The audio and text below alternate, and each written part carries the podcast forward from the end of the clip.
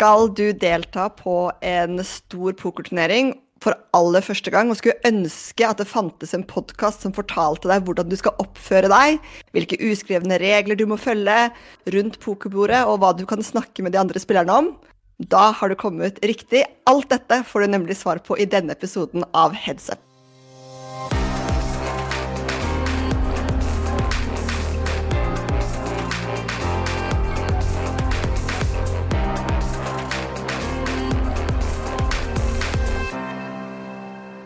Når denne episoden spilles inn, er det bare få uker igjen til et av høydepunktene i Norge, nemlig Norgesmesterskapet i gratispoker. Heidi, var du nervøs første gang du spilte gratis-NM? Ja, jeg var egentlig veldig nervøs. Um, jeg hadde blitt venn med Ylva Thorsrud, som er en veldig god eh, spiller, og hadde kommet meg inn på Posthallen, her hvor det var um, gratis-NM i Oslo da, det året jeg spilte. Jeg tror det var i 2018, kanskje. Og jeg hadde litt sånn Jeg skal innrømme, jeg hadde litt fordommer mot Eller forutinntatthet rundt hvordan pokerspillere var. Jeg trodde de var litt sånn eh, brautende, litt sånn eh, eh, Jeg vet ikke hva jeg skal si, men liksom Ja. Men jeg hadde lyst til å prøve å spille, da. Men jeg hadde ikke sånn kjempestore forhåpninger. Og så kom jeg inn, og så var folk helt nydelige. Jeg, tok, jeg ble tatt så godt imot. Jeg fikk masse eh, Altså, alle rundt bordet skjønte at jeg var ny med en gang, og de bare Altså, de bare tok imot meg med åpne armer. Det var, ja, det var, skikkelig, skikkelig skikkelig hyggelig, og ikke skummelt i det hele tatt. Hva med deg? Husker du første gang du spilte? Uh, jeg må faktisk si at første gang jeg spilte, det var i 2018, etter jeg hadde vunnet NM. Det var første gang jeg deltok Nei. i freeroll NM. Jo, det er helt sant. sant. ja. Yes. I, i posthallen. Så rart. Uh, Hvorfor da, det? Nei, jeg vet ikke. Uh, men jeg begynte jo å spille i 2016, altså det var ikke sånn at det var uh, altfor mange år før jeg hoppa inn i den. Men jeg var også da invitert til uh, den festturneringa som er hvert år mot slutten av freeroll-NM for å feire pokeråret. Jeg husker jeg gleda meg stort til den. Uh, og jeg, samme som deg, jeg hadde ikke så veldig mye forventninger til freeroll-NM, men jeg syns det var en veldig, veldig kul dynamikk, det å ha folk som åpenbart spilte noe av sitt første, uh, sin første turnering. Og også ha folk som bare elsket poker, som var veteraner som satt rundt bordet. Det skapte en sånn veldig, veldig kul dynamikk, syns jeg. Så gøy. Ja, for eh, de aller fleste Altså, jeg tror de fleste vinner ikke som NM før de spiller gratis-NM, så der er det nok kanskje helt i uh, særklasse. For de aller fleste de møter nok opp på, på gratis-NM som liksom den store turneringen, fordi den jo er gratis. Uh, det eneste er at du må være medlem i Norsk Pokerforbund. I forrige episode så sa jo jeg at det koster 300 kroner å spille en gratisturnering, og det hørtes jo litt rart ut, men det er fordi du må være medlem da av Norsk Pokerforbund for å spille gratis-NM. Uh, men veldig, altså, veldig verdt Eh, verdt det, synes jeg. Men eh, Oskar, hvis vi liksom Hvis vi tenker sånn, OK. Eh, nå skal du ha meldt deg på Du har meldt deg inn i Norsk Pokerforbund. Du har meldt deg på um, gratis-NM. Når vi spiller inn denne episoden, så um, det er i 2024, hvis noen hører den senere. Og da er gratis-NM 19. til 24. februar. Det er fortsatt mulig å melde seg på. Og så la oss si da du har gjort det. Du har funnet veien til lokalet. I år så er det på Carl Berner, altså på Carls på Carl Berners plass i Oslo.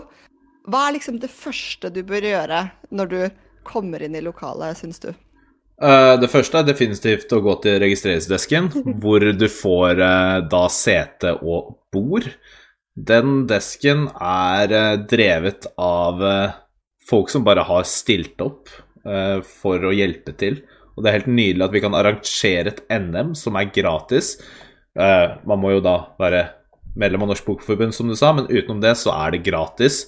Og det er bare frivillige som har stilt opp. Det sier litt om pokermiljøet vårt, syns jeg. da, At vi, vi, kan arrangere et såpass profesjonelt eh, tilbud til alle pokerspillere i Norge, eh, basert på rett og slett frivillige som stiller opp og hjelper til. Ja, for det er jo sånn på gratis-NM. Altså, det er jo omtrent like proft som NM som ikke er gratis. Det eneste forskjellen er at det ikke er en som sitter og deler som ikke spiller selv. Men vi kan jo kanskje komme litt tilbake til det. Men det er i hvert fall et helt fantastisk arrangement som liksom er helt likt et, et vanlig arrangement. Men OK, så du har gått av til denne registreringsdesken. Du har fått denne lappen som sier hvor du skal sitte. bør du da gå og sette deg ved bordet med en gang, eller bør du liksom gå rundt? Hva syns du? Uh, personlige, mitt personlige svar her er at jeg setter meg rett ned ved bordet når jeg har fått den lappen. Jeg er klar for å spille poker, og jeg er der for å spille poker. Men uh, det er jo litt sånn smak og behag, da. Rett og slett at uh, For min del så blir det nok et par folk jeg har lyst til å hilse på først. Er man helt ny, så kan det kanskje være lurt å bare gå og sette seg ned. Roe nervene, kanskje kjøpe seg noe å drikke på siden eller et eller annet, og, og bare hoppe rett i det. Si hei til bordet og, og gjøre seg klar til eh, strid, holdt jeg på å si. Jeg er så glad for at du sier det, for jeg er så enig. Jeg også elsker å sitte ved bordet før det starter. Liksom ha fått alle skjetongene, lagt fram alle tingene, eh, liksom funnet fram eh, altså alt jeg trenger for å spille og bare liksom få roen. Mm. Så jeg liker å være ute i litt god tid. Og så bor jeg ofte på rom da, sammen med Ylva, som er en veldig god venninne. Og hun er sånn som liker å komme litt Hun liker å komme etter at turneringen er i gang. Så det er alltid sånn dilemma på rommet vårt hvor jeg liksom vil løpe ned og være der et kvarter før det starter. Men hun er sånn Hvorfor har du så dårlig tid? men eh, ja, men vi er i hvert fall enige. Sitt ved bordet med en gang. Og så eh, kommer jo de andre og setter seg ned. Og så eh, er det jo sånn på, på gratis-NM at man må jo heldigvis ikke dele selv. Det er frivillige som spiller, som eh, også deler. Så det sitter en person som er, som er dealer der. Men eh, hva, er liksom, hva er greit og ikke greit å gjøre i det du har satt deg ned? Kan du ta sjetongene selv? Altså, hva, hva, det, hva, kan du gjøre? Ja, vi kan prate litt om veldig faste regler, men også litt om etikette. Men vi starter mm. litt med de faste reglene. For de fleste som kommer fra, rett fra hjemmelag, er nok vant til at vi veksler litt i potten, og eh, vi deler selv, og eh, de er vant til veldig mye ting som ikke nødvendigvis godtas i en uh, offisiell turnering, da. Sånn som rett og slett Vi kan rett og slett starte med det å veksle i potten. Det er det ingen andre enn dealer som skal gjøre. Og det er sånn typisk sånn feil man gjør når man er vant til hjemmelag, er at ja, jeg legger på 2000, og så tar jeg tilbake 500 der. Eh, den regelen er der rett og slett At du ikke skal gjøre det, er rett og slett for at hvis noen racer bak, så er man litt sånn usikre på hva du la på, og du la på, hvor mye er det egentlig i potten. Eh, la dealeren veksle. Det gjør det så mye enklere og så slipper du å også føle litt sånn ubehag når dealer liksom nærmest Ikke smekker deg på fingra, men kommer med en kommentar, da. Eh, det er det man slipper. Vi har hørt på denne episoden før, ja. så slipper man alle de der. For det er jo litt flaut. Altså, jeg har gjort masse feil jeg med pokerbordet. Det er litt flaut når når noen sier sånn 'Det der er egentlig ikke lov', eller 'det der uh, Men nå får man vite alt uten å, mm. uten å bli flau. Ok, Så man skal ikke da ta noen skjetonger Og det er også dealeren som gir deg skjetongene når du starter å spille, så du kan ikke ja. sette deg ned og bare ta en bunke selv, liksom. Det er ikke lov. En annen regel, ikke lov å ta på noen av de andre spillerne sine chips. Man kan veksle seg imellom når man ikke spiller en hånd. Hvis du har veldig mange hundrere, og det er en som har en 1000 chips som man har lyst til å gjøre om til 100, så kan dere to veksle dere imellom når dere ikke ikke er i hånda, men ikke begynn å ta på stacken til personen ved siden av deg og bytte om de chipsene selv. Spør kan du veksle. Han, sier, han eller hun sier forhåpentligvis ja, og så kan dere veksle da. Eh. Men men har man eh, Altså, eh, hvis du vil veksle med noen, du, og, og de inne der er i potten, kan du spørre om det når som helst, eller er det noen sånne regler om at du skal ikke gjøre det når noen andre sitter og spiller og er veldig stressa? Ja, uh, når noen spiller, så, så ikke forstyrr dem. Så lenge noen er i en pott, så, så, skal de få lov til å spille ferdig den potten. Det samme gjelder sånn hvis du har en hyggelig samtale med noen, så er det greit å sette den samtalen på vent hvis du ser at de involverer seg med en hånd. Uh, rett og slett for å la dem få sin mulighet til å tenke og gjøre det de skal gjøre i den hånda, da. Så fin huskeregel der er at det er kjempe, kjempefint om folk er sosiale og prater sammen rundt bordet, men med en gang eh, man involverer seg i en pott, så skal man få den freden og roen man eh, trenger for å, for å spille hånda. Og så er det jo noen ting som jeg tenker at det er viktig at man ikke snakker om når man sitter rundt bordet. F.eks. hvis noen andre spiller en pott. Hvis du kastet La oss si du kastet uh, 7-2 uh, før floppen kom, og så kommer floppen 7-7-2. Da må, må, må, du ikke si 'Å, det var jeg skulle ønske ikke jeg kastet hånda, eller 'å, herregud, for en bra flopp det hadde vært for meg', eller noe som helst som kan gi informasjon til de som spiller det også da. Ja. Strengt forbudt. Jeg vil også understreke den at det er, de færreste gjør det høylytt, men det er veldig mange som lener seg over til mot, altså personen ved siden av og bare 'Gjett hva jeg kasta'. Og det, det er også ikke greit, for det er tydelig kroppsspråk der, og at du er frustrert over hva som kom på floppen. Og det kan, det kan påvirke de andre. Og vi ønsker ikke å påvirke noen av de andre spillerne når vi ikke er i hånda. Det samme gjelder hvis vi ser, kommer til flopp, og det er flere spillere med i hånda. Så kan ikke vi begynne å spørre de andre eller stille kritiske spørsmål direkte til én person, så lenge det er flere spillere med i hånda. Hvis man spiller to stykker, så kan man prate så mye man vil. Men Og psyke hverandre ut litt, Og psyke hverandre ut, ja. Men hvis det er tre eller flere, så kan ikke du begynne å si 'oi, har du aces'? 'Oi, traff du den uh, ruteren der?' Eh, for, for det er informasjon eller teorier som du deler med andre, som fortsatt er i hånda, som kan påvirke dem, og du skal ikke påvirke noen av de andre annet enn bying eller checking, rett og slett. Vi snakker jo nå ganske mye om hva, vi, hva man på en måte ikke har lov til å gjøre. Eh, men la oss si at du, du har lyst til å få, få deg noen venner i pokermiljøet, så du har lyst til å liksom snakke med folk og, og, og ha det litt hyggelig. Hva slags temaer eh, bør man ha på en sånn liste? Altså Hva slags tema liker pokerfolk ofte å snakke om? Vet du jeg, jeg jo som pokerfolk liker, liker å prate om seg selv. Så, ja. eller altså, ikke bare prate om seg selv, men jeg liker den introen at eh, Hvem er du, og hva driver du med? Enkelt og greit. Eh, og hvis eh, motparten ikke er så interessert i å prate, så fins det flere rundt i bordet å spørre om. Men å innlede med en, i en sosial samtale hvor du bare Hvor i Norge kommer du fra, og hva er det du driver med til vanlig? Det, da begynner praten å flyte av seg selv. Et, er etter min erfaring. Ja, det er egentlig bare det å liksom tenke på det som en vanlig, Ja. en et vanlig selskap, liksom. Det du snakker med folk om der, pokerspillere, er jo veldig, veldig forskjellige. Eh, Og så synes jeg jo også at når jeg setter meg ned ved et pokerbord, så ser jeg ganske fort hvem som er interessert i å være sosial, og hvem Mm. som ikke er interessert. For det er jo noen som setter seg ned med, med mm, øreklokker og liksom er superfokusert og bare ikke ser på noen andre. Og hvis du sier noe til dem, så liksom løfter de på den ene øreklokken som er sånn stor, da dekker hele øret litt grann og ser irritert på deg. Men jeg har en veldig god venninne som er sånn.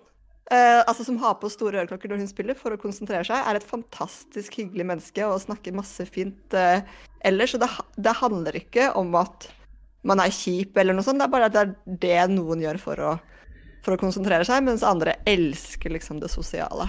Ja, det er jo liksom den klassiske pokertilnærmingen. Har du på headset, så er du ikke interessert i å prate. Har du ikke på headset, så er det, er det lov å stille spørsmål og, og prøve å starte samtale.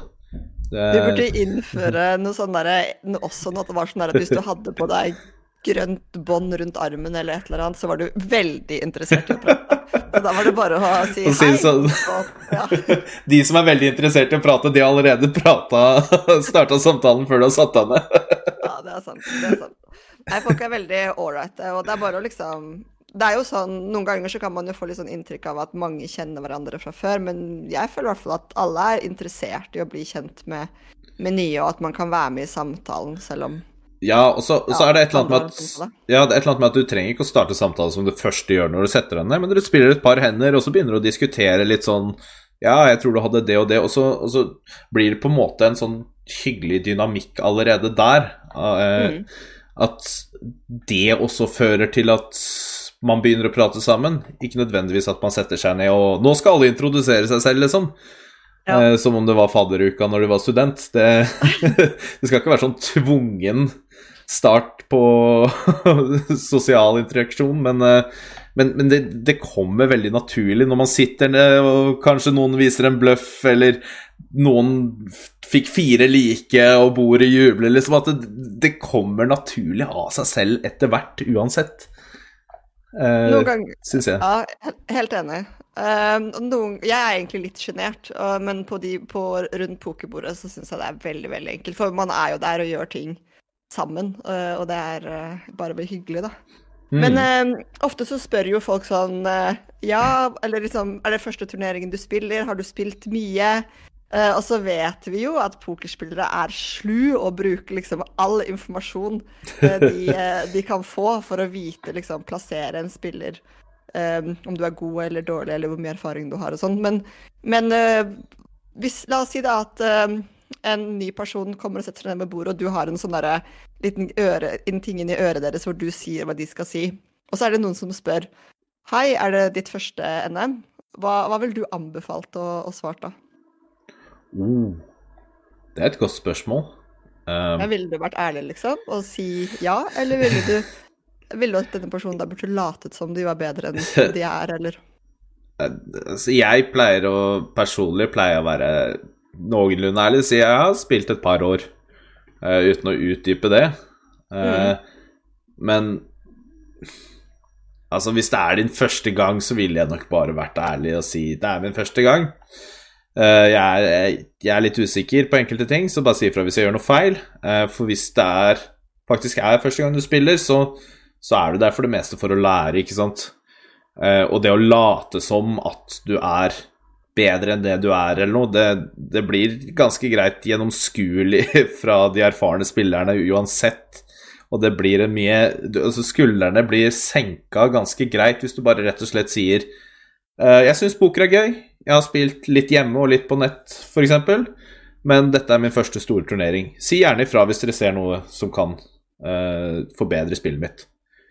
Jeg er også enig i det, for du, du har sjansen til å bli så mye bedre. og og jeg syns også hvis liksom Altså at um, når man spiller poker, det å stille spørsmål um, for å prøve å lære, lære, lære Det er jo når du er dårlig at du liksom virkelig kan Altså når du er ny, da, at du virkelig kan uh, stille masse spørsmål og bare få den læringskurven til å bli superbratt mm. fordi at du vil lære. Og det tror jeg man gjør best ved å bare ikke, ikke late som man er noe annet.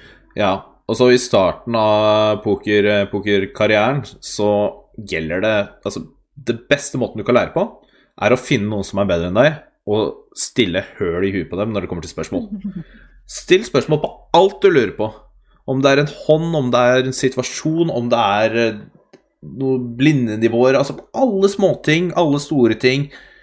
Og, og si 'beklager, jeg, jeg, er ny, jeg har lyst til å lære'. Og de kommer til å forstå, fordi folk syns det er kult at, folk, at flere har lyst til å lære poker. Uh, og de kommer til å svare. Og de kommer ikke til å villede deg.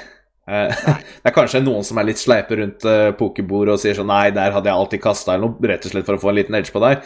Men de aller fleste, spesielt når det kommer til gratis-NM i poker, kommer til å være ærlig og være åpen for å diskutere med deg og komme med argumenter for, for og imot.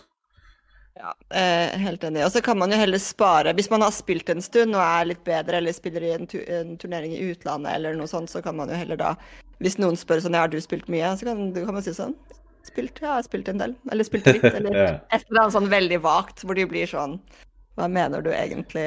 Ja. ja. Men eh, jeg tenkte på en ting som jeg ser eh, Som jeg ofte ser eh, at folk ikke vet om.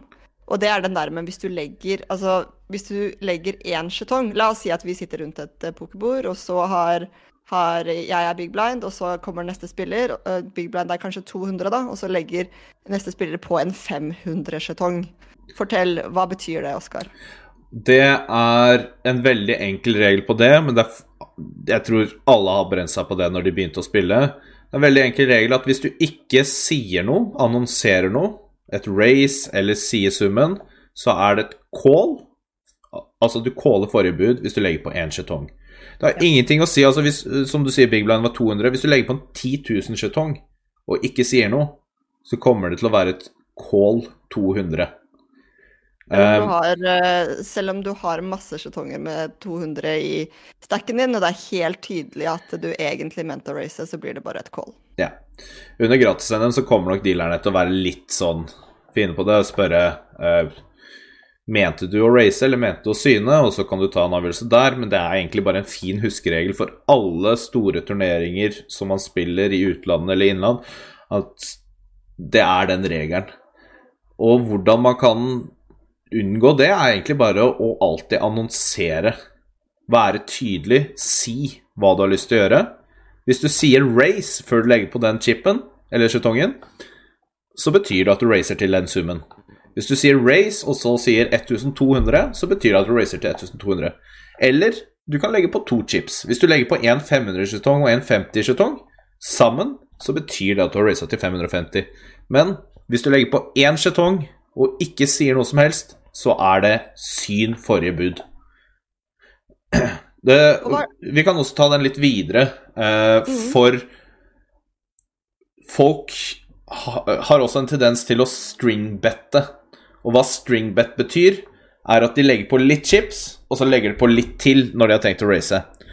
Og for å unngå det det, er rett og slett at, det betyr rett og slett at de chipsene du la på først, er det som er budet. Selv om du ønsket å legge på mer, så legg på alle chipsene samtidig. Ikke, ikke dytt én stack inn først, og så en stack inn etterpå. Grunnen til at den regelen finnes, er at enkelte spillere som er litt uærlige, de kan finne på å gjøre det for å se reaksjonen til motstander.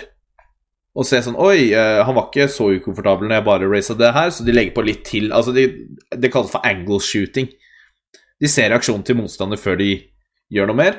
Så string betting Prøv å unngå det, enten ved å annonsere hvor mye du skal by, si race, og så summen, eller legg på alle chipsene du ønsker å race til samtidig. Det er jo egentlig litt sånn i, i, filmer, fordi vi har blitt lært noe helt annet. For alle som har sett en pokerfilm, har sett at de sier sånn I see your 8000 and uh, raise 2 million Altså, eller kanskje ikke så mye, da. Det var voldsomt. det var ikke, ikke race så mye. ja, et klassisk eksempel på det er jo fra Rounders, når han bare I see your bet and raise, og så bare liksom drysser han chips over bordet. Og Matt Damon bare 'please don't splash the pot'. det er sånn erkeeksempler på det at det der, det er veldig, veldig dårlig pokeretikett å gjøre. Ja, det, altså det er ikke Hvis man først sier 'I see your', så er, ja, da har man Det er en form for angle shooting allerede der. For da ser du reaksjonen til motstanderen. 'Å, han var syna.' Og så bare 'But I race', og så legger du på mer. Det er ikke greit. Og det kommer ikke Nei, men... til å gå gjennom heller. Nei, men jeg, jeg, ikke, jeg, skjønner at folk tror at det er greit, fordi det ser så kult ut på film når folk gjør det. Men ja. det må du alltid ikke finne på å, å gjøre. Ja. Og... og så tenkte jeg på ja, unnskyld. Uh, men ikke vær redd for å gjøre de tingene. Altså, hvis, du, hvis du glemmer deg og gjør det her, så er det ikke enden av verden, og du trenger ikke å være flau over det. Absolutt alle som har begynt, har brent seg på det. Og, og, også blitt for så vidt flau over det når de sitter rundt et bord og prøver å late som de ikke er eh, helt ferske. Men du får bare beskjed av dealer at uh, det der ble et call fordi du må gjøre det og det, eller du får beskjed av dealer at spørsmål var det ment som et race, så kan vi ta det som en race nå, men da veit du det til neste gang. Det er ikke, det er ikke verre enn det. Nei. Det er jo noen ganger man også legger på uh, noe annet feil, som f.eks. Uh, la oss si at man sitter liksom i sen posisjon, altså at det har skjedd mye for deg, og så er det en som har gått all in, og så har ikke du fått det med deg, så du legger på én skjetong som du tror er et syn av uh, en tidligere, et tidligere spillers bud. Hva, hva skjer da? Mm, den vanlige regelen er at dealer sier fra han der var all in. Eh, og da må du gjerne gi opp hvis du ønsker å kaste. Du er ikke nødt til å syne det all in-et hvis du ikke har fått det med deg. Men du er nødt til å gi opp den summen som originalt var før det. Den summen som du mente å syne, og så ta et valg. Uh, men, men, mitt tips er egentlig bare å hele tiden prøve å følge med. Din mm. dealer vil også annonsere all in. Så hvis du ikke har fått med deg det, så er det litt din feil. Eh, men man har litt sånn skjønt på det at eh, hvis det er ganske tydelig at du ikke så den all in, at eh, la oss si at du sitter i sete 9, nei, sete 1 og CT9 gikk all in, og så sitter det en dealer i veien, så du så det rett og slett ikke. Så det er litt sånn at man, man eh, rett og slett ser an situasjonene litt man er ikke superfirkanta, spesielt ikke når det kommer til gratis-NM. Ja, vi er der for å lære, og ja, det er regler, men hvis du gjør en åpenbar feil som ikke var meningen å gjøre, så, så fins det på en måte regler, sånn som det at du bare syner det originalbudet, og så må de gi slipp på hånda di. Uh, I den situasjonen, da. og det, jeg tenker altså jeg liker veldig godt at det er litt sånn strikt på regler også. At, at det er liksom sånn Men at man ofte så ser jo at det, kanskje den første, liksom, noen som spiller for første gang, får én sjanse, men ikke alltid. Mm. Men at det ikke er noe sånn at det er greit etterpå. Fordi eh, det er bare fint å få inn de reglene med en gang, og bare vite at sånn er det. Sånn er det når du skal spille ellers. Og så er det jo også ofte sånn i større turneringer at, de har, at dealer har en sånn all in-button som de kaster foran den personen som ja. har gått all in, sånn at man lettere, lettere, får det med seg. Ja, jeg kan jo også si det at uh, du slipper ikke like billig unna hvis du spiller en større turnering i utlandet. Der er det hvis du har sagt call, eller lagt på kålechips, og ikke har fått med deg at noen har all in, så synd, trist, leit. ja. Så som du sier, det er bare å få drilla det inn med en gang. Følg med. Ja, og folk er, det er jo særlig da på gratis enn hvor kanskje man kan være hjelpe til litt mer, fordi det er så mange nye, nye mm. spillere. Da. Men det, er, det, kommer nok litt an på hvem som er dealer også. Kanskje. Ja, um, men det er også en sånn sett oppfordring hvis det er noen som har tenkt å dele under gratis-NM og høre på det her, at ta det med en klype salt når det er nye spillere. Vi, vi har ikke lyst til å skremme bort folk, vi har lyst til å lære opp folk. Vi har lyst til at folk skal få glede av poker. Og ved å, gjøre, ved å rett og slett være snille og hyggelige og behjelpelige, som både dealere og spillere, så, så, skaper det et godt miljø og en, en lyst til å spille mer poker. Headsup med Vedde og Rønneid er sponset av poker.no. Alt du skulle trenge av utstyr og nyheter angående poker i Norge. Når man sitter ved bordet da, og, og f.eks. Um, altså Noe av det som kanskje kan være vanskeligst i starten, er det der du, du taper en stor pott, og det gjør kjempevondt. Noen lurte deg kanskje, eller du hadde ikke sett at det var flush i bordet eller straight, eller altså at det var mulig å få flush, eller noe sånt. Men hva, hva er ditt beste tips da, Oskar? Oh, den gode, gode gammeldagse tilten. ja, den har vel eh, Det er vel ikke en pokerspiller i verden som ikke har følt på den eh, en eller annen gang. Uh, men et godt tips og noe jeg Altså, det er veldig enkelt å si, men å faktisk gjennomføre er noe helt annet. Men prøv å bryte ned til hånd for hånd. Ok, vi spilte forrige hånd dårlig. Uh, vi halverte stacken vår. Vi har halvparten av hva vi hadde, selv om vi hadde bygd oss rolig opp. Bare prøv å nullstille. Hvis du ikke klarer å nullstille der og da, så vil jeg anbefale å faktisk ta en pause fra bordet. Gå og ta deg litt luft. Uh, Kjøp deg en brus eller et eller annet. Gå og prat med noen venner og hør hvordan det går med dem, før du setter deg ned igjen. Så har du et annet mindset. Hvis du tenker at du faktisk klarer å nullstille deg, så ha den mentaliteten at hver hånd er en ny mulighet. Den hånda skal jeg spille så optimalt som mulig, og prøv å bare helt få glem, nei, glem hva som skjedde forrige uh, hånd. Og ja, det er kjedelig hvis du Én ting er å spille en hånd dårlig, men også veldig kjedelig hvis du kommer Han har to S og du har to konger, og dere kommer all in, og han vinner. Synd, leit, shit happens. Det er sånn poker er. Det er en situasjon som du ikke kan gjøre noe med. Så spesielt i de situasjonene må man lære å kontrollere det og ikke bli tilta. Fordi det er sånn i poker at setups skjer. Det er, det er, kjipt, selvfølgelig, og det kan være kjipt over lengre tid at du bare føler at du havner i sånne situasjoner, men det veldig, blir veldig tungt hvis du skal bli irritert hver gang du, du, havner i en situasjon som du faktisk ikke kunne gjort noe med, da.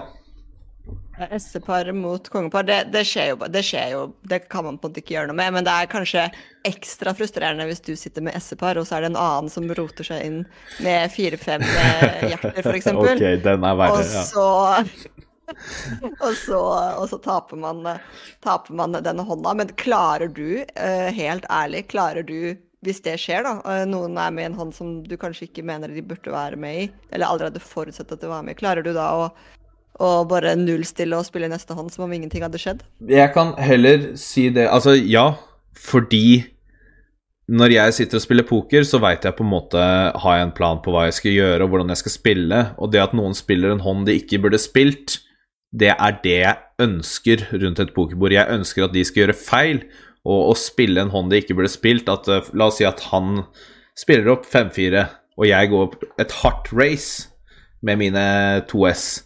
Mm. Og han syner, og så kommer det en, et, et, nei, en femmer på flopp, og så blir han med på et hardt bud til, og så treffer han en firer, da. For eksempel, og det er åpenbart at han, han ikke burde vært med noen gater der, men han er fortsatt med. Um, ja, du kan bli irritert og oppgitt der og da, men det er liksom sånn det må, det må komme ut av huet, for det, det, er sånne situasjoner du ønsker, ikke sant? Du ønsker å finne uh, svakheter i spillet til motstander, at han er altfor sticky, så jeg veit at i veldig mange situasjoner her så kommer jeg til å dra inn masse chips istedenfor at jeg ga han chips. Du kan ikke bli sur over at motstandere er dårlig, for du ønsker at motstandere er dårlig, for det er da du tjener chips. Det er bra du sier dette, for uh, akkurat den situasjonen uh, måtte jeg gå en liten runde sist gang det var NM på Gardermoen. måtte ut i frisk luft fordi det var litt, uh, det var litt kok oppi hodet etter Det var to, to, hender på rad hvor jeg hadde vært lagd foran og endt opp med å, med å, tape. Men det skjer jo. Noen ganger så er man på andre siden, og så vinner man. Men ja, gå en tur ut. Jeg syns det, det, er et bra tips. Jeg, jeg kan også nevne det at hvis du skal spille en lang pokerturnering, så er det nesten umulig å ikke bli dratt ut. Mm. et annet, på et eller annet stadium. Og det er gjerne sånn du ta, ryker ut også. At du havner i en situasjon hvor du er foran, motstander drar på. Og, og, det er bare å forberede seg på til dere som lytter også, hvis dere er nye og ferske i poker. Det, ja, du kan ha en veldig god hånd, men for eksempel, la oss si at vi har eh, to konger, da. Motstander har eh, S3. Så har han rundt 30 til å vinne den hånda. Selv om det høres ut som konger skal vinne mye oftere, så vinner, uh, vinner S3 tre av ti ganger der. Røft, da. Jeg får dratt ut, Det er ikke at du blir dratt ut av lokalet eller dratt ut av turneringen. okay, er du, du, står, du er liksom best, uh, og så er det en annen som likevel vinner. Oh, ja, det, rett, og slett. Og det blir dratt ut er at han treffer noe bedre mm. med en dårligere hånd. Så er det én Ja, unnskyld. Nei, nei, bare fortsett, du. Jeg skulle si en regel til som er grei å vite, og det er at hvis du viser kortene dine til én person, så må du vise det til alle. Altså når, når, er ferdig, eh, når hånda er ferdig. Det er noe som heter show one, show all. Så du kan ikke La oss si at uh, Oskar og jeg har spilt en hånd som uh, uh, hvor jeg byr på, på River, siste kortet, og så kaster Oskar, og så viser jeg hånda mi til den som sitter ved siden av meg. Um, så må jeg vise hånda mi til alle rundt bordet, selv om Oscar allerede har kastet. Ja. Og det er det ikke alltid man vil, så det er også litt sånn fint å huske på. Ja. Uh, kan jo også da nevne et par andre ting uh, som jeg kom på når du sa det. Mm. for å vinne potten så holder det, å, holder det ikke å vise opp at ja, jeg hadde par i S, og så kaste motstander. Du kan ikke vinne potten med å bare vise ett kort. Du må vise det andre kortet også. Ja. Begge kortene skal vises for at du skal vinne potten. Hvis du har best hånd, selvfølgelig, da. Eh, for. Eh, folk har betalt for å, for å, få den informasjonen, og da skal de se hvilket kort du hadde ved siden av. Men hva skjer, for det har jeg tenkt på, hva skjer hvis eh, fordi noen ganger så sier kanskje motstanderen Og jeg har, en, jeg har konger, eller jeg, eller jeg har konge høy, da. og så slår det deg, og så kaster du. Um, men må motstanderen vise kortene da likevel? Og hva skjer hvis motstanderen husket feil og egentlig hadde en knekt, og så hadde du en dame som hadde at du kunne vinne? I de scenarioene der så er det egentlig du som er plikta til å si ja, vise opp for, ja. å, eh, for at du skal at han skal vinne hånda. Hvis du velger å kaste hånda di inn i midten, før han har vist opp, så er det din egen feil. Og hvis han da viser opp noe annet, hvis han rett og slett jugde eller huska feil, så, så, er det du som har gjort feilen. Men det skal sies at så lenge kortene er gjenkjennelige, så kan de hentes ut igjen, og du kan vise opp. Men hvis de på en måte har blitt stokket inn eller havna inn blant andre kort, så, så er det for seint. Da har han vunnet i hånda. Mm. Um, så det er jo de scenarioene hvor La oss si at jeg prøver å bløffe deg, og du syner, og jeg bare kaster korta inn i midten. Da trenger ikke du å vise hånda di, for da har jeg allerede sagt tydelig at jeg har gitt opp. Du har alltid bedre hånd enn meg. Jeg har ikke lyst til å vise opp hva jeg bløffa. Ja. Det er vel det eneste scenarioet hvor man ikke trenger å vise opp. Eller sånne type scenarioer. Hvor motstanderen bare kaster. Ja, så Man må egentlig bare be motstanderen vise begge kortene før man gjør noe som helst, og ikke, ikke stol på det motstanderen sier, fordi um, noen ganger så husker folk feil, og, og, noen ganger så er folk litt slu, men som regel husker de feil hvis det er, hvis ja. det er feil. Og alltid, um, ja, hvis de sier noe, bare be dem. Vis opp for sikkerhets skyld. Um, og jeg, jeg, har bare lyst til å nevne én ting til også, og det er det som kalles for rabbit hunting. Den klassiske at uh, du har lyst til å se hva som hadde kommet, Det er ikke noe vits å spørre om når man spiller en stor turnering, for det er absolutt ikke lov. Du får heller bare tenke at det er en grunn til at du valgte å kaste deg. Hva som hadde kommet, har ingenting å si, for du bestemte deg i det gitte scenario å ta avgjørelsen og kaste deg fordi du tenkte at det var det beste å gjøre der. Og, og hva som hadde kommet, det har ingenting å si etter at du har tatt det valget. Så bra. Um, jeg har også to sånne små ting som jeg tenker det kan være greit å vite om. Det ene er jo det der Gratis-NM er jo en ganske lang turnering. Man spiller i mange timer. Det er jo pauser innimellom. Um, men når har man egentlig lov til å gå fra bordet? Det, den, den, er veldig fin, faktisk. Man har lov til å gå fra bordet hver gang man ikke er i en hånd. Når du er i en hånd, så har du ikke lov til å reise deg opp, du har ikke lov til å gå fra bordet. Men med en gang du har kastet fra deg den hånda, så kan du gå og ta pause så lenge du vil, så lenge du har chips. Altså, spillet fortsetter, og du kommer til å bli blinda ut hvis du er i big blind eller small blind. Men du kan Gå og ta frisk luft, du kan ta pause, du kan gå og høre hvordan det går med vennene dine. Ikke noe problem, ikke stress med det, men husk at spillet fortsetter når du ikke er der. Så du har lov til å gå til andre bord og snakke med de som sitter og spiller der? Er det også selv om de er i en hånd? Nei. Nei. Hvis eh, det er det samme som på bordet ditt, hvis folk er i en hånd, ikke prat med dem. Rett og slett. Um, og så er det jo også det der med hvis man har vært på do, da, og så ser man at dealeren løper liksom Dealeren deler ut til deg, og så løper du tilbake i, i, i håp om at du skal få rekke å se på kortene dine før dealeren kaster de. Hva, hva, er egentlig regelen der? For der syns jeg folk praktiserer litt forskjellig med, med når du ikke får se på hånda di, og når du får se på hånda di. Det er enten når siste kort er delt ut, eller når første kort er delt ut. Jeg er litt usikker på hvordan de gjør det i gratis-NM, men jeg tipper det går litt under den samme kategorien, at man tar det med litt med en klype salt. At hvis dealer ser at du er på vei til bordet, og, og du setter deg ned akkurat sekundet hvor han, han, eller hun deler ut siste, siste, kortet, så får du nok se på hånda di. Men eh, ja, det er også noe man bare kan øve inn, at uh, ved bordet når korta blir delt ut hvis du ønsker å se på hånda di. Å, jeg kjenner at jeg gleder meg skikkelig til gratis-NM. Men jeg ser veldig for meg at jeg liksom kommer løpende og setter meg ned og får kortene. Men uh, uh, NM kan jo på en måte gå to veier. Det ene kan være at du, um, du ryker ut av turneringen uten at du får en premie. Hva, hva, gjør du da? Hva skal man gjøre, liksom, når man har røket av en turnering? det finnes veldig mange ting man skal gjøre. Eller man kan gjøre. Uh, for det første, den klassiske losers loungen. Det er å bare gå til nærmeste bar, og så har du Eh, sikkert en haug med andre som har lyst til å sitte der og fortelle deg hvordan de røyk. og, og sutre litt sammen med deg. Eller du kan finne Under spesifikt gratis-NM så vil det være sit and goes. Det betyr at man har en sånn liten miniturnering hvor det sitter ni stykker rundt et bord, og man spiller seg imellom der, som man kan melde seg på. Det er også flere typer turneringer. Du har 8 game, du har heads up. Det er også uh, Pokerforbundets festturnering som man kan kvalifisere seg inn i.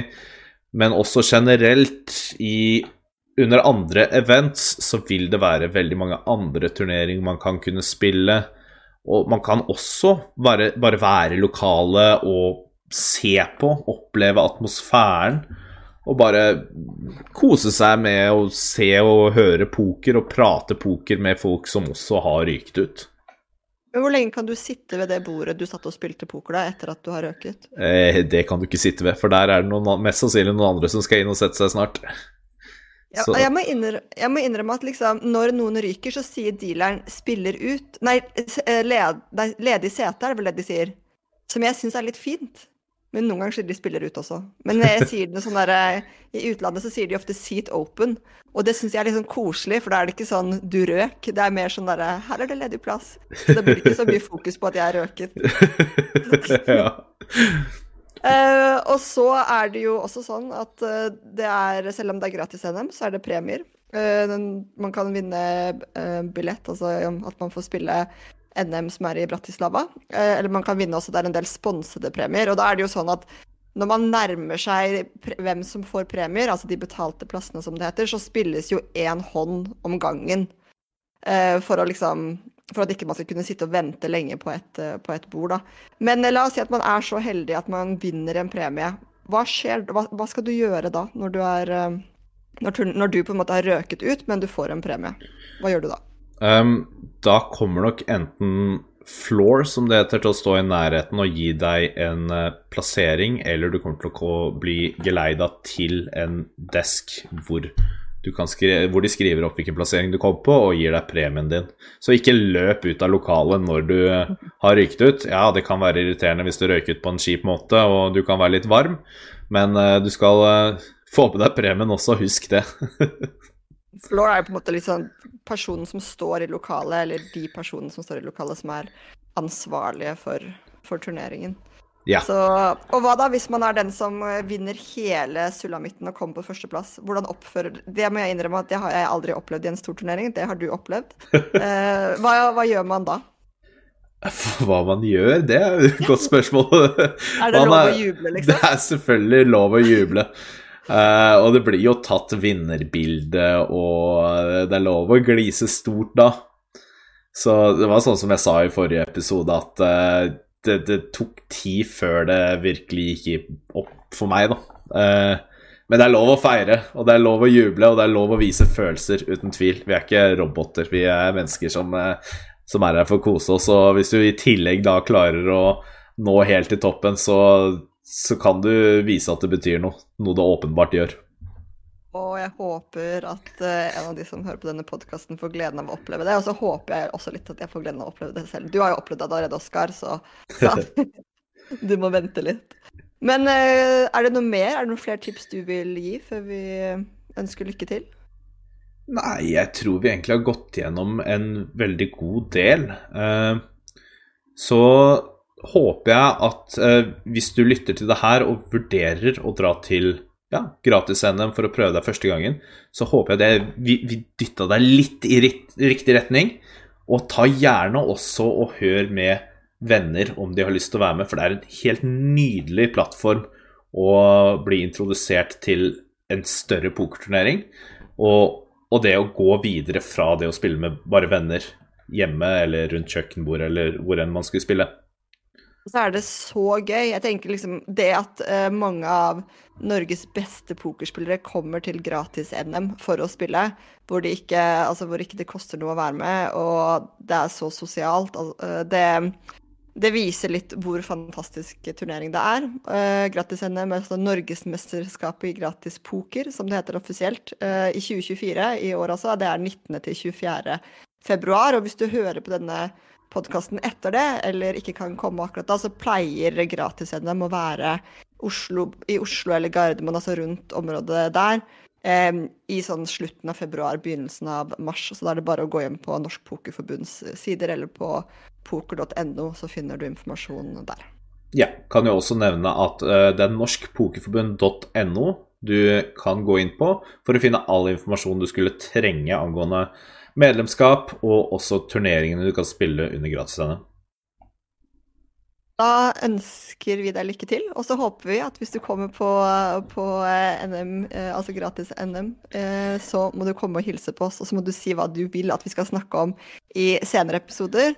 Og i neste episode så får vi celebert besøk. Da kommer selveste pokerpresident Tobias Leknes som skal gi gode råd til hvordan du kan spille mot ulike typer spillere. F.eks. på gratis-NM, hvor du har alt fra folk som spiller sin første turnering, til folk som er norgesmestere. Det kommer til å bli kjempebra. Takk for oss.